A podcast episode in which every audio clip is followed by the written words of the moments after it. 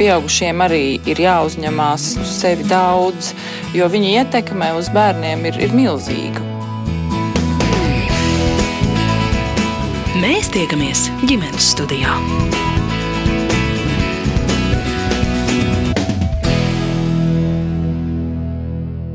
Labdien, un esiet sveicināti ģimenes studijā.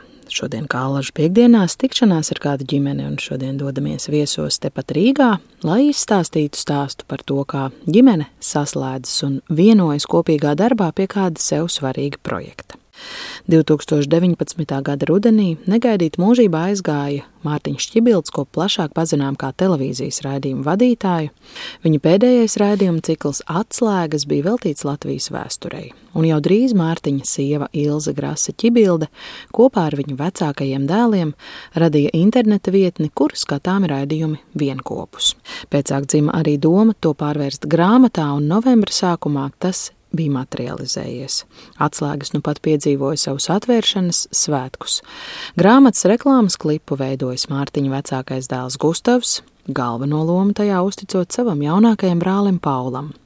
Par to, kā tas viss tapa, par mīlestību uz savu valsti un interesi par vēsturi. Šī saruna, kurā piedalās Ilza Grasa ķibilde, Mārtiņa nu jau lielie dēli Gustavs un Brunis, un abas jaunākās atvases Pauls un Jasmīna. Esmu mamma diviem bērniem. Es esmu auto biznesa eksperts. Kaut kādā ziņā jau 20 gadus strādāju ar auto. Un šobrīd mani sāk atpazīt kā Mārtiņa Čibilda projekta atslēgas turpinātāju. Tā kā tādi varētu būt trīs virzieni. Es, protams, biju Mārtiņa sieva un tie ir Mārtiņa bērni. Mans vārds ir Gustavs.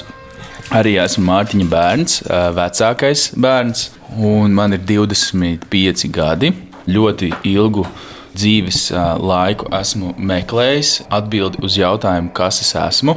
Un gribētu teikt, ka vēl joprojām neesmu atradis, bet esmu tuvāk, soli tuvāk. Un tas, ar ko es ikdienā nodarbojos, es vadu pats savu filmēšanas komandu, radu TV reklāmu saturu, filmēju reklāmas dažādiem lieliem zīmoliem. Pamatā esmu režisors, nu, teikt, ka arī producents, Daži teikt, ka arī priekšnieks, bet es sev nesaucu par priekšnieku, tāpēc ka es cenšos mācīties no, no visiem, mazu daļu dabūt no visas komandas, es negribu, lai kāds ir augstāk vai zemāk par kādu. Nu, jā, es varētu teikt, ka laikam es esmu radošs cilvēks, vairāk kā, kā pragmatisks cilvēks. Es neesmu klasiskais uzņēmuma vadītājs, kurš ir ļoti teiksim, organizēts un tāds um, strukturēts. Es vairāk jā, esmu radošs cilvēks. Un, uh, Esmu diezgan priecīgs cilvēks par dzīvi. Jā, ja tā var teikt. Kāds sauc tevi? Es nezinu, vai es tik daudz vārdos varu izteikties. Esmu Brunis, kādreizējais jaunākais, tagad vidējais tēls. 22 gadi, studēju starptautiskās attiecības. Brīvajā laikā cenšos nodarboties līdzīgi kā Mārtiņš tieši par uh, interesē man dzīves vidu, kurā mēs dzīvojam, šīs mūsu pilsētvidu. Un uh, es laikam uh, ar to vairāk un vairāk aizraujos Nezinu, ko varētu pateikt. Kā tas tās starptautiskās attiecības un tā pilsētvide iet kopā? Tas ir mans centiens atrast kaut kādu savu ceļu dzīvē. Es īsti nezināju, ko studēt. Covid laikā pārtraucu iepriekšējās mācības, kas bija ārzemēs. Tas bija ar socioloģiju, tāpēc tagad izvēlējos kaut ko, kas arī man interesē, kas ir starptautiskās attiecības. Un es, es nezinu, kā to visu kombinēšu, bet nu, es cenšos izdomāt, darīt to, kas man patīk. Es lielajiem puišiem pavaicāšu, cik lielā mērā jūsu tēta nodarbošanās ir ietekmējusi to, ko jūs darat, tas, kas jūs profesionāli interesē dzīvē. Var savilkt kaut kādas paralēlas? Manā gadījumā absolūti noteikti. Kad bija mazs, vienmēr Es atceros, pēc bērnu dārza vai pēc skolas bija reizes, kad bija nu, jāaiziet pasēdēt tēta darbā, tāpēc ka tētim ir jāpastrādā vēl. Tā bija, tā bija regulāri. Tēvs strādāja reklāmas aģentūrā tajā laikā, Brīvības ielas 40. pēdējā stāvā. Mansarda ļoti skaistā teiksim, dzīvoklī, jeb uh, oficiālā. Un gāju uz turieni, un um, kaut kā tas iesēdās. Likās, ka forši cilvēki strādā tajā nozarē, visi tādi brīvi, visi tādi tā pašā laikā disciplinēti. Es nezinu, man liekas, kaut kā forša tā vide.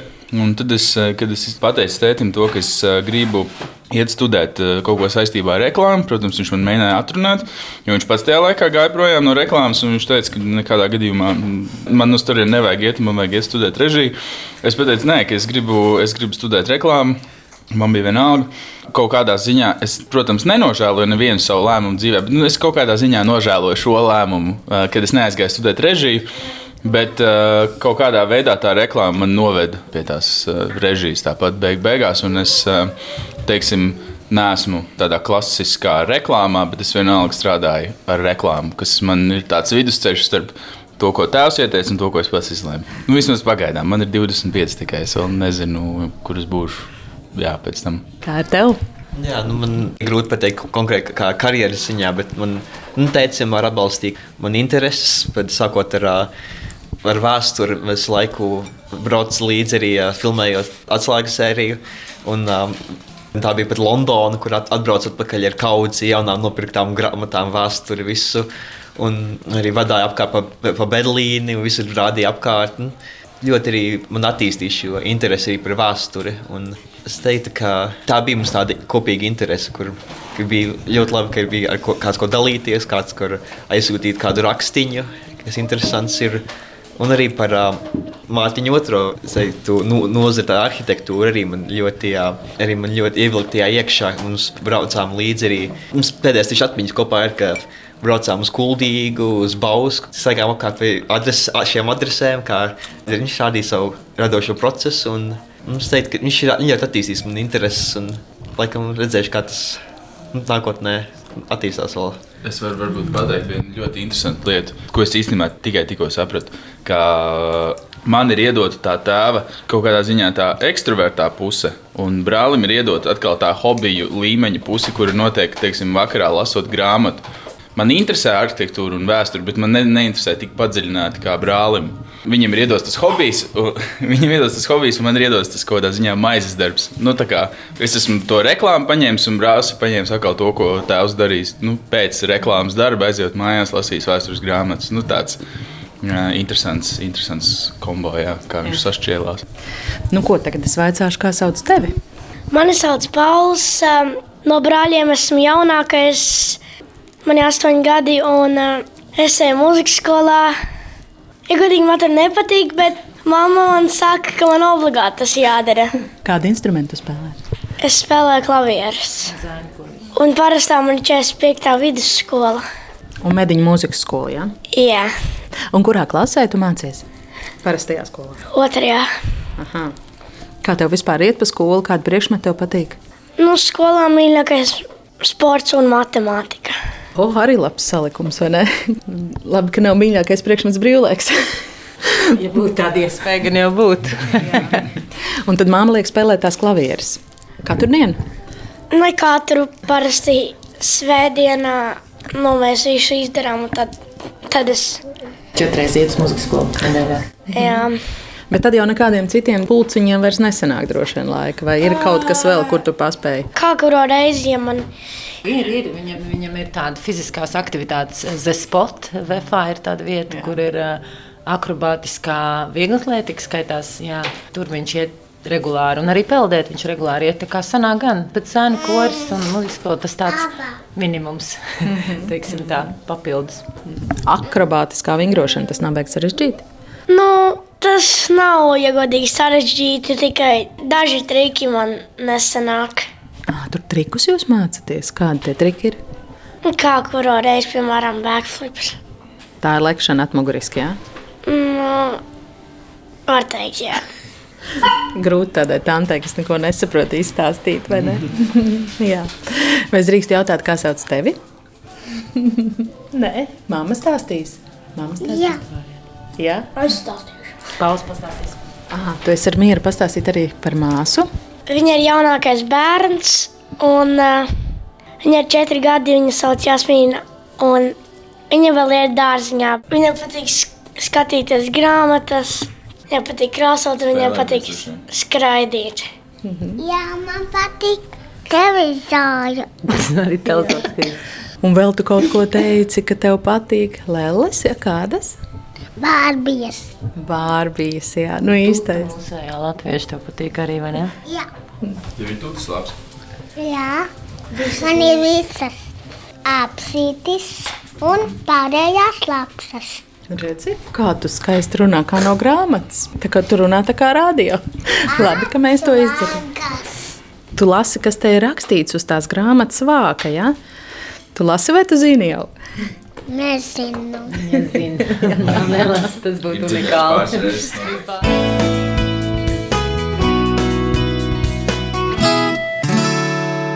Nu, lūk, Jasmīna mūs eh, kompozicionāli ļoti skaisti novadīja pie tā, pie kā mēs eh, sarunu arī varētu turpināt. Uz galda ir grāmata atslēgas. Nesen jums ir eh, bijuši visiem lieli svētki.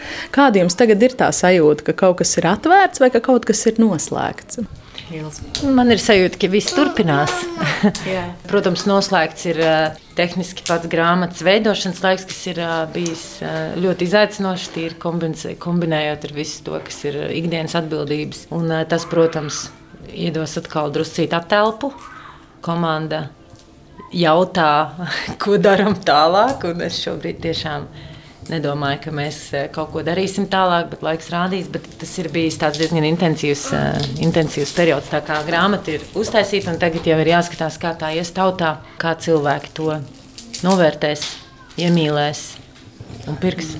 Cik ilgs bija šis uh, periods, kamēr jūs pie tās strādājāt? Gan drīz precīzi gadu, jo pagājušā gada septembrī man bija aicinājums piedalīties tādā pasākumā kā fórums līdera Un es biju viena no iedvesmojošām sievietēm, kas stāstīja savu tādu tā stāstu, un es tam runā biju sev nolikusi kā mērķi pateikt no skatuves, ka es esmu izlēmusi, ka šī grāmata taps. Un es nezinu, un nezināju tajā brīdī, cik cilvēki tam pievērs uzmanību, bet tas bija svarīgi man pašai sev, jo es teicu, grāmata būs. Jā, un tas sanāk, eh, nu, principā gadu, jo mēs uh, septembrā pēdējā nedēļā palaidām uz druku, un tad gandrīz mēnesi drukājas, un tad novembrī mēs prezentējam. Kā jūs esat sadarbojušies, kā kurš ir bijis vairāk vai mazāk iesaistīts grāmatas tapšanā vai tajā visā, kas ir ap šo projektu bijis jādara?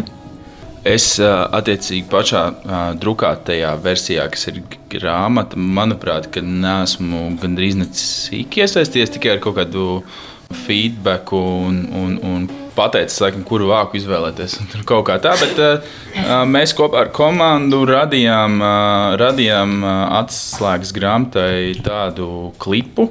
Presē bija rakstīts, ka tā ir īsta filma. Man pēc tam prasīja draugi no industrijas, kad būs tā filma redzama. Viņam liekas, ka tas ir traileris. Nu, es teicu, pēc tam, nu, kad būtu forši, kad nomainīt tos klipu vienkārši, jo tas ir reklāmas klips. Un mēs viņu tādā kategorijā arī domājām, bet jā, tas bija brīnišķīgs, brīnišķīgs projekts. Mums 12 stundu vietā, man liekas, bija kaut kādas kaut kāds 16, bet uh, tas bija tikai tāpēc, ka mēs gribējām uh, dabūt uh, vislabākos, uh, vislabākos uh, kadrus, mums bija beigās jau pilnīgi vienalga, vai mēs ejam tur pāri kaut kādam laikam, normālam vai kā, mums vienkārši nenormāli patika tas process, un komanda nostrādāja vienkārši brīnišķīgi, ņemot vērā, cik lokācijas dienā mums bija. bija jānofilmē. Man liekas, tas rezultāts bija nu, mega, uh, mega krūts. Viņš izskatījās tiešām pēc liekas, augsta, augsta līmeņa. Hollywoods, uh, Eiropas Hollywoods, uh, jā, jā, viens no mīļākajiem klipiem, ko es dzīvē esmu radījis, bija tieši šī atslēgas grāmatai. Un, un man liekas, mums jau arī tur diezgan liels rīčs arī bija pēc tam sociālos tīklos un viss kaut kur, un cilvēki pāršēroja. Un tā, un, nu, jā, man liekas, tas, tas bija mans jā, ieguldījums. Jā, un iespējams, ka arī morāli kaut kādā brīdī esmu atbalstījis kādu. Tā kā tu atbalstīji daudz, kad mēs mājaslapu taisījām trīs gadus atpakaļ. Mājaslapu, jā, mēs pareizi mēs kopā taisījām mājaslapu. Attiecīgi, kad es vēl strādāju reklāmas aģentūrā, mēs ar dizaineru kopā izstrādājām. Izstrādājām visu dizainu. Pēc tam, protams, pie satura. Es atceros, ka tajā, tajā palaišanas dienā mājaslapas mēs vēl zvanījāmies ar, ar programmētāju, un bija tik daudz lietas, kuras nebija izdarītas. Tad beigās, jā, kaut kā es laikam paņēmu to radošo pusi, tā lapā ilgi paņēmu visu, kas bija, kas bija saturs. Tad vēl mums bija komandā pāris cilvēki, kas arī. Un Brunis arī toreiz vadīja informāciju. Jā, mēs kā visi pieslēdzāmies pie lapas, un man liekas, ka īstenībā vienīgais cilvēks, kas bija ārpus tā, bija reāli programmētājs. Mēs kaut kā kopā novedām to projektu jā, līdz galam. Tā bija arī TDV aģentūra, kur kādreiz strādāja Mārtiņš, un kur tad strādāja Jā, tu. kur tad es tur strādāju arī tajā tas, pašā uh, brīvības ielas 40 uh, Mansardā, par ko es iepriekš stāstīju. Tur mēs arī uztaisījām to mājaslapu. Teiksim, nu jā, arī atbildot uz jautājumu, vai tās ir ietekmējis manu darbu izvēli. Nu, jā, es esmu strādājis turpat, kur viņš ir. Tā kā, tā kā, jā, tas bija, tas bija foršs, uh, foršs projekts arī uh, laiku atpakaļ. Atgriežoties pie grāmatas reklāmas klipa, Pauli, tu tur esi filmējies. Jā. vai ne? Bet tu vari izstāstīt, ko brālis tev tur lika darīt un kāds vispār ir tas stāstīns tam klipiņam apakšā? Kā tu no savas puses to visu redzēji un jūti? Man patika to darīt. Tev brālis deva tādas precīzas norādes, Nu, kas tev jādara. Man liekas, jo es jau baigi nezinu, ko tur tētis darīja. Bet man liekas, ka viņš taisīja kaut kā.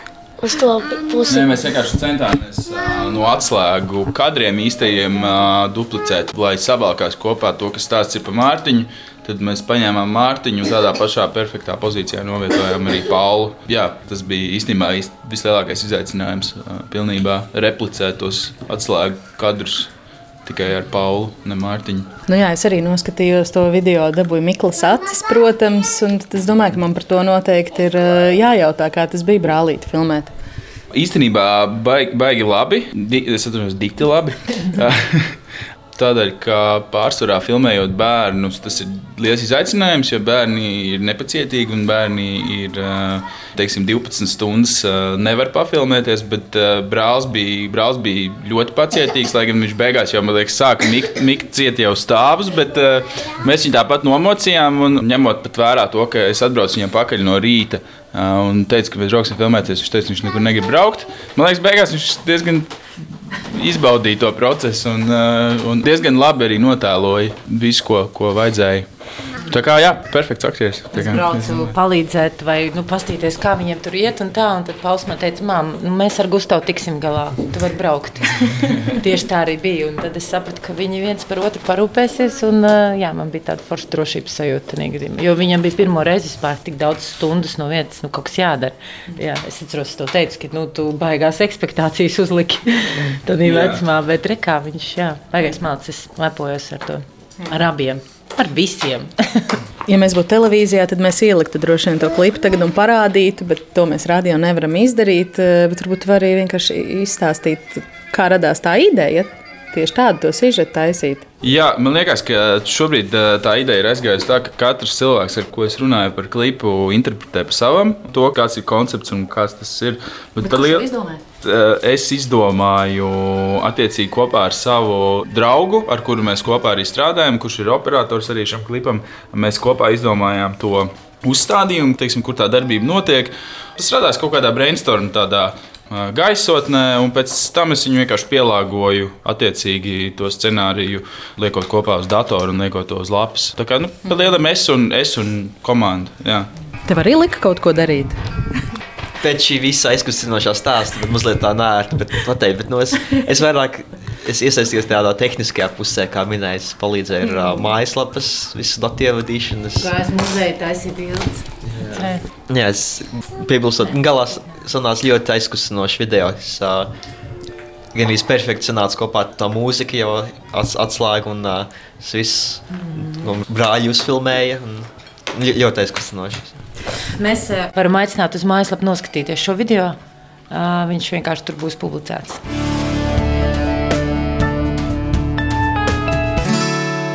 Ko jums katram nozīmē tas, ka ir izdota, ka ir iznākusi šī grāmata?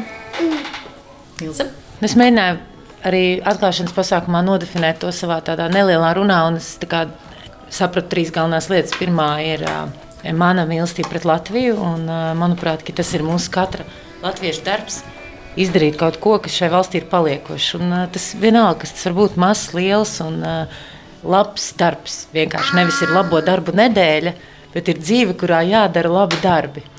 Un, uh, šī sajūta atnāca pie manis negaidot, un, un es patiešām neesmu grāmatas izdevējs. Es vēl šobrīd brīnos, kā tas vispār bija iespējams, jo es nevarētu nekad, man liekas, izdarīt vēlreiz to. Bet visas tās spējas, kas ir apgūtas, varbūt strādājot visus šos gadus, kā daļai no komandas, kā kādreiz vadot cilvēks, tas viss kaut kā nosēžās. Tad tu īstenībā vari gandrīz jebkuru nu, projektu uztaisīt.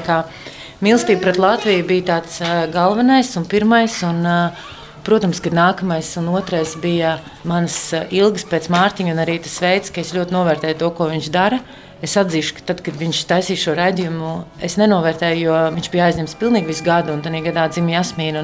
Vienīgās viņa brīvdienas bija, kad viņa fiziski dzīvoja Siguldas slimnīcā.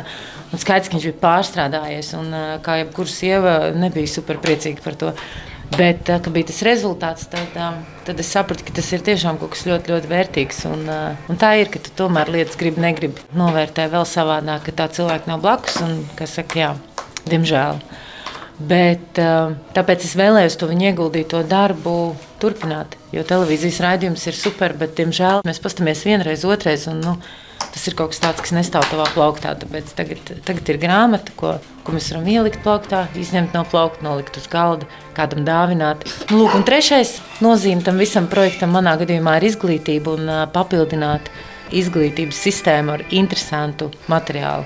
Jo mēs uztaisījām skolotāju burtnīcu, tas ir pilnīgi jauns, tas pirms tam nebija. Un, Vēstures skolotāji man palīdzēja katrai sērijai pielāgot jautājumus, ko runāt klasē, par konkrēto tematu, piemēram, ja tev ir brīvības cīņas vai Baltijas ceļš, tad kādi varētu būt diskusija jautājumi skolēniem, kāds varētu būt mājas darbu uzdevums. Pirms tam, piemēram, parunāt ar vecākiem, kā viņi pieredzēja Baltijas ceļu. Tad tu atnāc uz klasi, tad noskaties sēriju, un tad tev ir savstarpējās diskusijas. Tur arī darba lapas ir un tā. tā kā tas trešais virziens ir izglītība. Jā. Kā ir ar jums? Ko jums nozīmē šis? Īstenībā tagad tā stāstīja par, par tām vēstures stundām. Es atceros, tā, ka mums kaut ko rādīja skolā. Tas bija svētki, jo mums rādīja ļoti rēti. Bet īstenībā, ja man būtu rādījuši skolotāji vēstures stundās tikai un vienīgi video materiālu, kur pēc tam es varu pārspriest un diskutēt, Tas, es būtu, es domāju, iemācījies daudz reizes vairāk. Man liekas, tā ir mūsdienu mācīšanās. Un, tīkā, ja tu vēl dabūsi skatīties raidījumu, kurš ir tik patīkami uztaisīts un tik teiksim, labi atstrādāts, viņš ir 15 minūtes tikai. Un viņš no, ir tikai 15 jā. minūtes. Un tu iemācies, man liekas, divreiz vairāk, kā ja tu lasi. Tad man liekas, tik, tik foršs forš veids, kā, kā mācīties. Bet uh, priekš manis uh, grāmata noteikti Ilzē nozīmē ko daudz vairāk. Jo viņi pie viņas nu, reāli strādāja pie, pie, pie tādas, tās taustāmās grāmatas, ko mēs varam paņemt rokās un lasīt. Priekš manis nu, tas ir vienkārši pierādījums, skatoties uz ilzi. Man vienkārši tas ir pierādījums, ka es atceros, ka viņi teica, bija tā ideja, nu, kad tā jātaisa tā grāmata. Un tagad tā grāmata ir gatava. Un es vienkārši redzu, ka viss tas projekts, viņš tā kā, viņš tā kā top. Un man liekas, tas, tas priekš manis vienkārši parāda to neatlaidību. Ko tu vari sasniegt, sasniegt ar neatlaidību? Un, ja tev ir ideja, Tad man liekas, jebko var realizēt. Tas, šis ir tas pierādījums, un šī ir tā iedvesma man no, no, no Ilzas. Es iedvesmojos vienkārši. Jā, vienkārši ir tik forši realizēt šādus projektus un būt neatlaidīgam, un jebkas būs iespējams. Tā kā, jā, es esmu ļoti iedvesmots uh, no šī projekta un no Ilzas. Cik mīļi! Kā tev? Man bija ļoti sirsnīgi redzēt, uh, ka šāds, šāda ideja, kas arī ir kas arī Mārtiņam bija, ka arī pēc viņa, ka tiek turpināta un ka mēs kā ģimene kopā varam, varam visi brāļi trīs kopā kaut kā iesaistīties un to, to paturpināt. Līdzīgi kā, kā mēs pirms jā, tri, trīs gadiem, tas jau tik traki laiks skrien, ka es, es ar brāli mēs palīdzējām pabeigt pēdējo adrešu sēriju. Un, tur bija tas ļoti spēcīgais. Tādā ziņā, ka var, var to iesākt, to var turpināt un ra radīt tādu arī tādu rezonanci sabiedrībā, tādu, kā to laik bija ar Marsa pāri, tagad būs, protams, ar atslēgām. Un, un es domāju, ka līdzīgi kā to laiku man spilgtākās atmiņas, kad pēc katras sērijas Marčs bija, bija tāds, teiktu, varbūt pat provokatīvs, ka bija visas tās diskusijas, visur bija, ka lika uzdot cilvēkiem arī jautājumus par tādām vispār pieņemtām lietām vēsturē.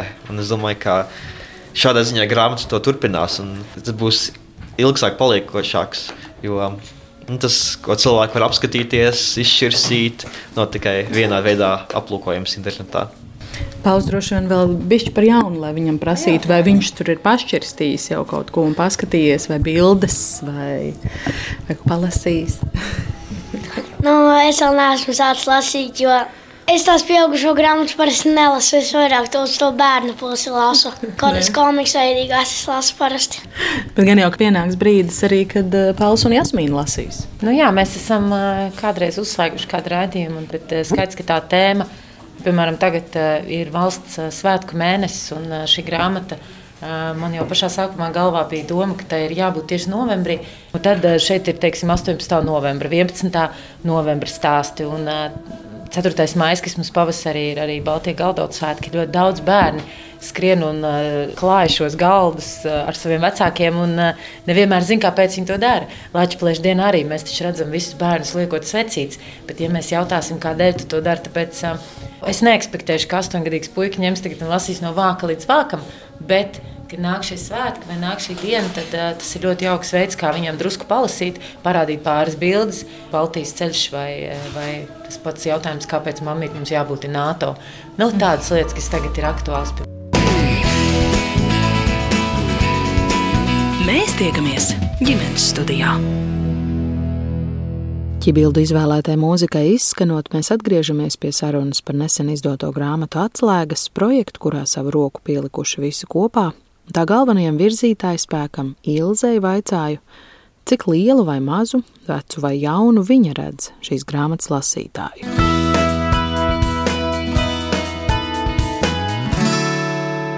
Jā, nu, tas bija tāds, manuprāt, rokraksts šim raidījumam, ko vidus filmu studija kopā ar Mārtiņu. Viņa tā, teiksim, tamborē, tamborē, kamēr tas ir gatavs, jo arī Guna Zariņa, kas ir raidījuma balss, ir stāstījusi, ka viņa nepiekrita tik viegli tekstiem, kurus Mārtiņš viņai iedeva lasīt. Viņiem bija diskusijas, viņa pamainīja, viņa svītroja, viņiem bija viedoklis. Un tas, manuprāt, ir tajā projektā tik unikāli, ka, ka visiem tur bija viedoklis. Un šīs lielās personības, kā viņas to dabūja gatavi, es nezinu. Un, kā Uģis Oltmans arī saka, ka tā, visi tie režisori, visi tie cilvēki, kas strādā ar to projektu, visiem bija kaut kas sakāms. Jo, nu, visiem rūpa, lai tas rezultāts ir labs. Un, tāpēc viņš varbūt ir arī viegli skatāms ar sarežģītu tēmu. Jo ļoti grūti jau ir Gustavs zina, vai ne 15 minūtēs ielikt tādu sarežģītu stāstu. Tas ir greizi, tas ir nu, ļoti, ļoti izaicinoši. Tā kā atklāšanā Uģis teica par to, ka Mārtiņš atnāks 50 lapām pa 15 minūtēm vienu raidījumu. Un, uh, Nu, vienkārši nu, tur, nav, nu, tur nav vietas, kur to, to, to izstāstīt. Tad pēc tam tev ir jākompresē, un tev ir jākompresē. Jā, un tad, nu, negāja viegli. Es nezinu, tāpēc, ka es arī biju laikam kaut kad, kad tāpa šie raidījumi. Es biju tajā studijā arī iekšā, un es, es zinu aptuveni to procesu. Tās aizkulisēs, kā tas tāpa. Un, nu, man liekas, ka tur viņi arī tādos diezgan augstos toņos ir bijuši, bijuši par tapšanu, bet tas ir pilnīgi, tas ir pilnīgi normāli. Radošais īpaši, process, jā. Jā, radošais process, un īpaši, ja tu dari kaut ko, kas ir, nu, tas nav pārdošanas vārdā, tas ir, kā, tas ir sirds vārdā, vārdā, perfekcionisma vārdā. Jā, varbūt, teiksim, nu jā, vairāk informācijas vārdā un vairāk sirds vārdā, ne tik ļoti naudas lieta. Tad vienmēr ir katram savs viedoklis, un katram tā sava sirds, ja tur ir kaut kāda, un katram ir kaut kādas savas lietas, pie kā pieķerties, un viņš par viņām cīnīsies. Jā. Es pieķēros divām lietām jūsu teiktajā. Brunis teica, ka tētis ir tas, kas ir raisījis interesi par vēsturi. Un Gustavs savukārt teica, ka, ja man kāds vēsturi būtu rādījis eh, video, filmās vai video klipos, tad būtu iemācījies daudz vairāk. Tad man jums abiem jautājums, kā jums šķiet, kas ir tas īstais veids, kā ar jauniem cilvēkiem šodien runāt par Latvijas vēsturi? Jo mēs te tagad visi tādi globalizēti un kosmopolītiski, un nacionālisms arī nav baigi stilīgs, plašām mērogā, kā jūs teiktu, kā ar jauniešiem ir jārunā par eh, patriotismu, jāmāca vēsturi, jāstāsta par to? Noteikti viens veids, jau, ko mēs jau izspriedām par šo uh, raidījumu, atslēgas, kur var noskatīties, uh, noskatīties skolnieks uh, klasē un, un, un pēc tam analizēt. Un, teiksim, tā ir tāda audiovizuāla pieredze vēl pie reizes, uh, plus informatīva, um, kas ir nu, brīnišķīgs jauns formāts, tāpēc mēs zinām, ka katram skolniekam, es vēl atceros no skolas, kad ja rāda filmu klasē vai rāda raidījumu kaut ko video, tad tas ir svētki vienmēr. Man liekas, ka jāmāca vienkārši ir caur kaut ko, kas, kas pašiem jauniešiem arī patīk. Tu nevari uzspiest kaut ko, kas, kas viņiem neinteresē un, un, un nepatīk, un tikai nu, teiksim, paņemt to uzmanību tikai uz, uz to centību. Uz to, ka tagad jācenšas, jāpieplūk un tur jādara kaut kas. Tā, nu, tas tie laiki, man liekas, ir beigušies par to, ka mēs tagad varam, varam cilvēkiem teikt, ka jāsaņemās, jāsaņemies. Tas vairs nestrādā. Tas ir jādara caur elkiem, tas ir jādara caur, tas ir jādara caur deksmi pašam pret, pret to. Es domāju, ka mūsu tēvs būtu bijis ļoti labs vēstures skolotājs, tāpēc ka viņam tā vēsture pašam interesēja. Un, ja tev skolotājs klases priekšā stāsta ar deksmi par vēsturi, tad loģiski, ka būs vairāk cilvēku, kas tam pieķersies. Nevis kā pārsvarā skolās ir, ja cilvēki vienkārši dara savu darbu un, un, un strādā ar tiem bērniem, kaut arī viņiem bērni nemaz nepatīk. nu, tas, ir, tas ir laikam arī no manas pieredzes, ka es mācījos Spānijā skolā. Nu, tur ir spāņi, spāņi ir tādi, vai nu viņi ir deksmīgi, vai nu viņi ir depresijā. Un tad uh, vienmēr bija, bija skolotāji, visi bija ļoti, ļoti dedzīgi par to, ko viņi dara ikdienā. Un caur to deksmi mēs arī pievienojāmies viņiem, un viņi beigās kļuva par mūsu elkiem. Tad mums neatlika nekas cits, kā tikai sekot tiem elkiem. Un tad esot par elku kaut kādā nozarē, tad vienmēr man liekas, mēs, mēs mācāmies. Nu.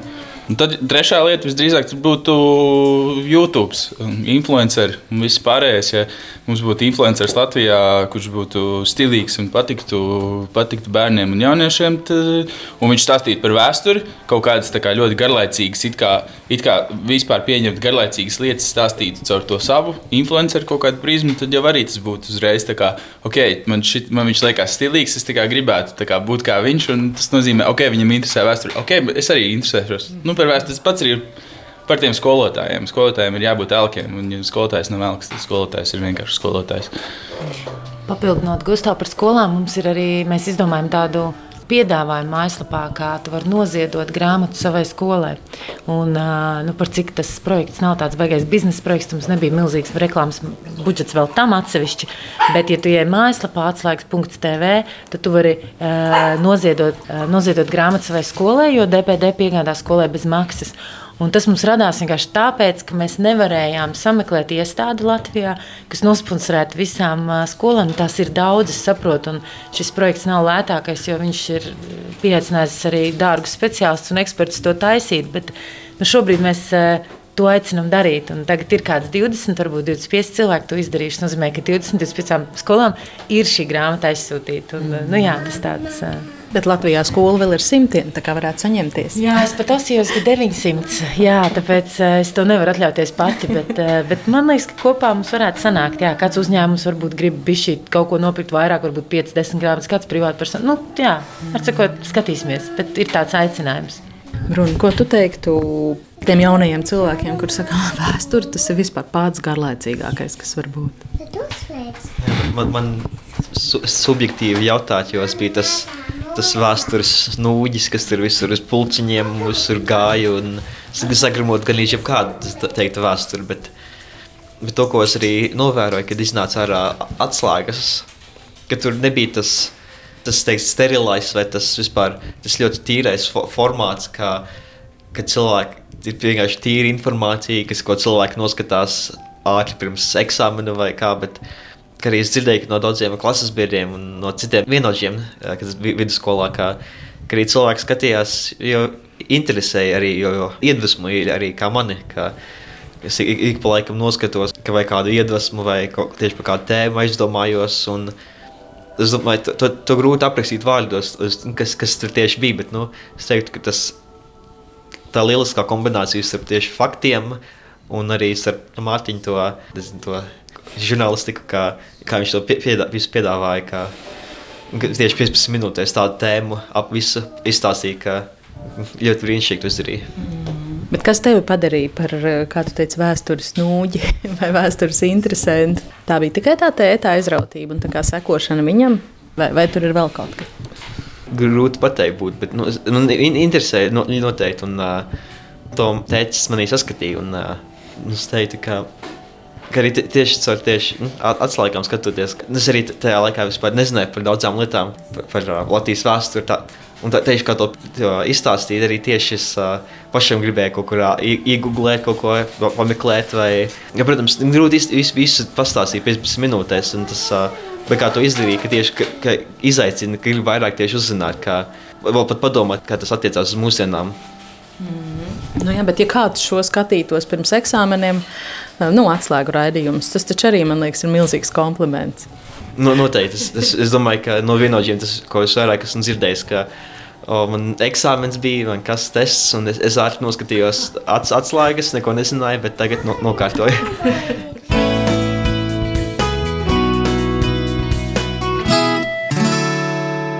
Kādas ir tās jūsu novembra mēneša sajūtas? Man vispār tie Latvijas eh, svētki ir ļoti svarīgi. Un, uh, es neteiktu, ka mums ir tādas ārkārtīgi milzīgas tradīcijas. Nu, nav, bet mums ir tās mazās lietas, uh, ko mēs darām. Tāpat Latvijas plēšņa diena, neatkarības diena. Un kādreiz mums atceries, bija tās vakariņas pirms salūta. Tas bija pirms Covid, kad mēs gājām mm -hmm. draugi un mēs ģimene.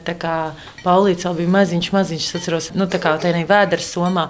Un tad Jasmīna bija vēders, un mēs visi tur paēdām foršu vakariņas, un tad gājām uz salūtu. Bet tad Covid, protams, izmainīja to, to tradīciju. Bet uh, man ir svarīgi parādīt to bērniem un, un arī noskaņot sevi. Bet nu, forši jau būtu, ka mēs ne tikai svētkos to valsti mīlam un atceramies. Un tas ir droši vien tas izaicinājums katram nu, kaut kādā skrējienā, padomāt, ko mēs varam darīt labu un jauku, lai šī valsts kļūtu labāka. Jā, par novembra svētkiem. Zini, kā tagad tā kā tu pirms tam teici, ka nu, tas nacionālisms vairs nav tik stilīgs. Ja? Nu, es to teiktu, nu, kā, ka es esmu iespējams paķēris jau to uh, paudzi, kur ir uz robežas, uh, teiksim, ar novembra svētkiem un tās attiecības ar Latviju. Man, man viņas ir citādākas. Man viņas tās, tās sajūtas par Latviju ir citādākas. Viņas noteikti neasociējās ar 18. novembri. Viņas neasociējās ar, ar Latvijas valsts proklamēšanu. Viņas neasociējās ar tādām lietām. Man asociējās vairāk ar ar to, ka man vienkārši patīk būt Latvijā, man patīk būt Rīgā, man patīk dzīvot Rīgā. Visi mani draugi nāk no Rīgas, es pazīstu daudz cilvēku Rīgā. Attiecīgi, es varu satikt visu laiku pazīstams cilvēks uz ielas, un tas ir brīnišķīgi iespējams. Tas, tā ir laikam tā lieta, ko es mīlu par Latviju vairāk kā, kā kaut kādas ļoti tādas nacionālas eh, kaut kādas. Tradīcijas eh, latviešu un tā.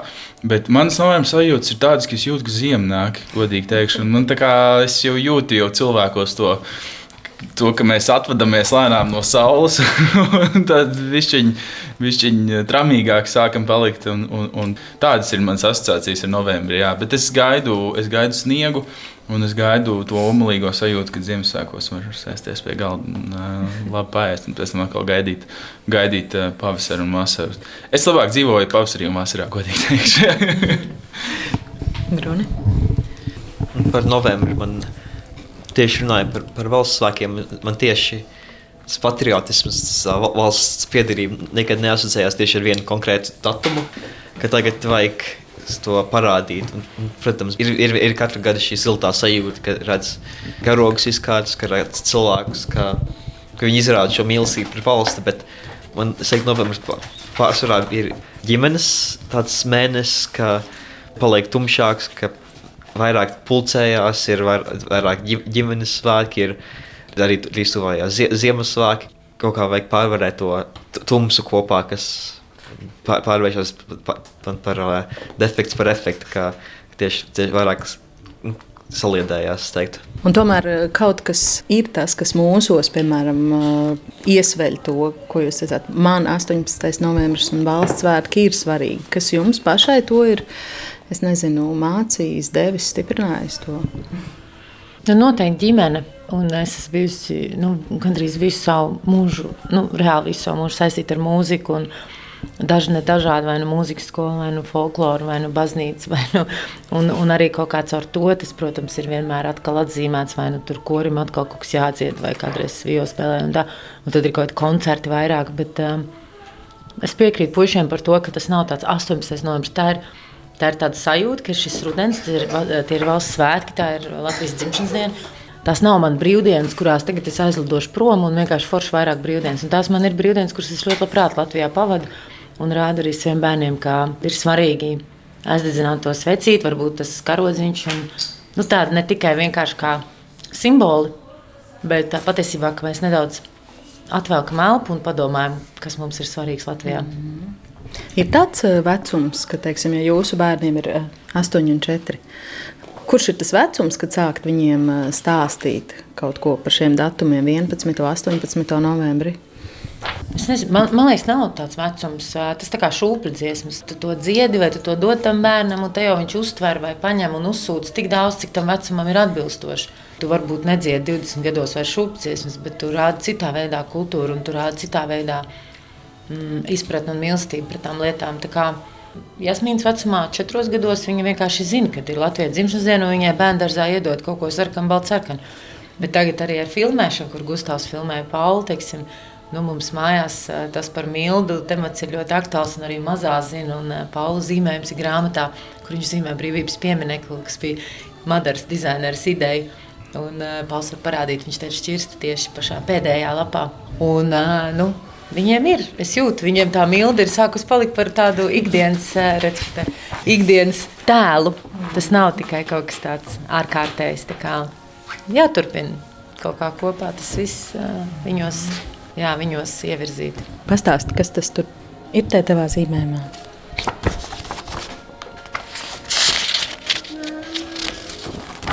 Nu, es centos uzzīmēt, kā izstāsta smilda, bet es neteikšu, ka man sanāca tas labākais zīmējums.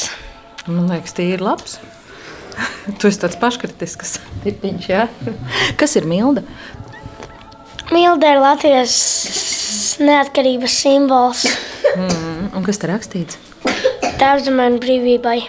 Man, protams, sākumā negribējās to zīmēt, bet pēc tam es sapratu. Ko tu saprati? Ja mamma taisa to grāmatu, un tētis viņu gribēja iesākt vai uztaisīt, teiksim, godīgi, tad es piekrītu. Bet, ja, nu, ja vecāki to nebūtu taisījuši, es nepiekrītu. Jā, bet tagad tu arī esi iesaistīts bijis grāmatas tapšanā, vai ne? Nu, Bišķiņi. Nu, bija kaut citi. Jā, tajā projektā baigi daudz neesmu iesaistīts. Man tikai tas video, zīmējums un tas jau ir viss. Nu, jā, nu, bet tev taču video galvenā loma. Jā. Es tikai gribēju pateikt, jūs prasījāt, kas ir milda. Un es atceros, ka mēs, es atstāstīšu to, to, to stāstu, ko mums stāstīja, ka mēs apmeklējām brīvības pieminekli. Uh, mēs tikām arī iekšā, mēs tikām arī augšā brīvības pieminekli. Un uh, mums stāstīja to, ka īstenībā uh, tēlnieks. Uh, Telnieks, kas bija Latvijas, viņš pasūtīja pašu mildu Zviedrijā taisīt Zviedram. Un uh, Zviedrs, uh, Zviedru telnieks uztaisīja šo mildu pēc savas sievas, uh, kur pozēja. Un, uh, tā ir principā uh, Zviedru, Zviedru sieviete, kas ir mūsu milda. Tā kā šis ir interesants stāsts, ko es atceros, un es vispār to nezināju. Bet, uh, jā, tā kā Latvijas brīvības simbols ir īstenībā Zviedru maisaimniece. Nu, tā. Bet vēl runājot par mildu, īstenībā mums ir tik daudz stāstu, jo ar tavu video saistīt, kā, kā, ka tu izdomāji par to, ka vajag būt mildai. Un, uh, Milzīgs paldies Telniekam uh, par to, ka viņš atļāva mums izmantot šo milzu skulptūru. Un, Tā bija meditējošā mildi. Jā. Viņi pašlaik atrodas Liepājā. Mēs viņu noņēmām no, no ūdens, jo viņi tur meditēja uz ūdens tajā laikā, vēl ezerā kaut kādā.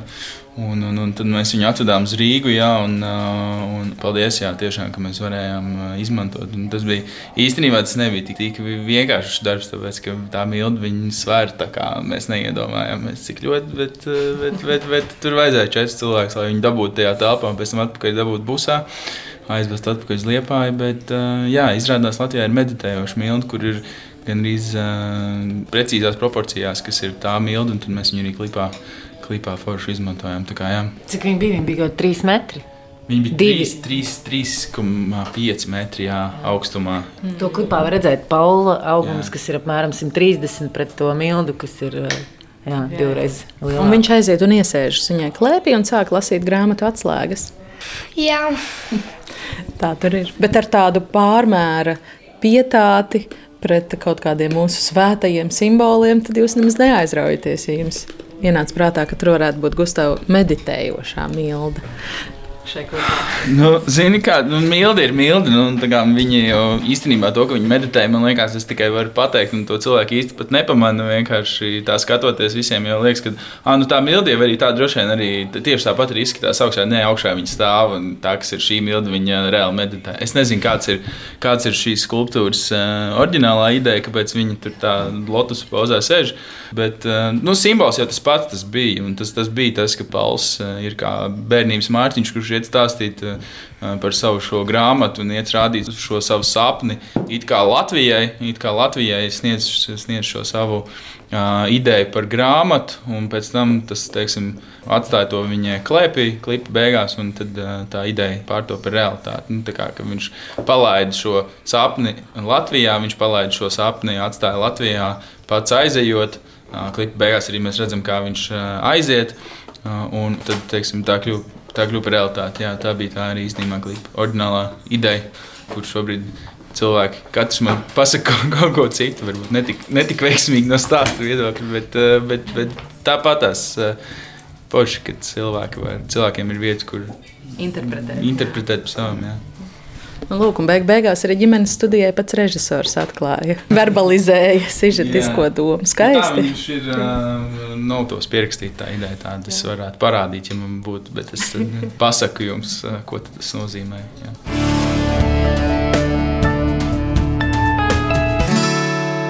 Es ļoti lepojos ar to, ka grāmata ir arī krievu un angļu valodā.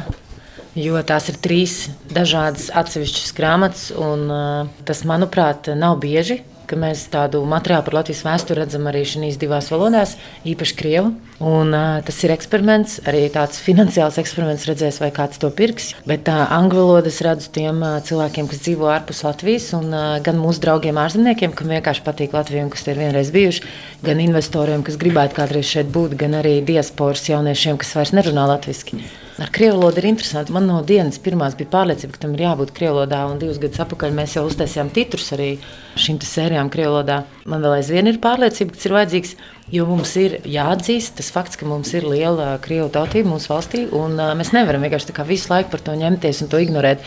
Un tikai un vienīgi sūstīties, ka mums nav nekāda mēdīņa telpa, mums nav pilnīgi nekāda materiāla, ko tie cilvēki var lasīt.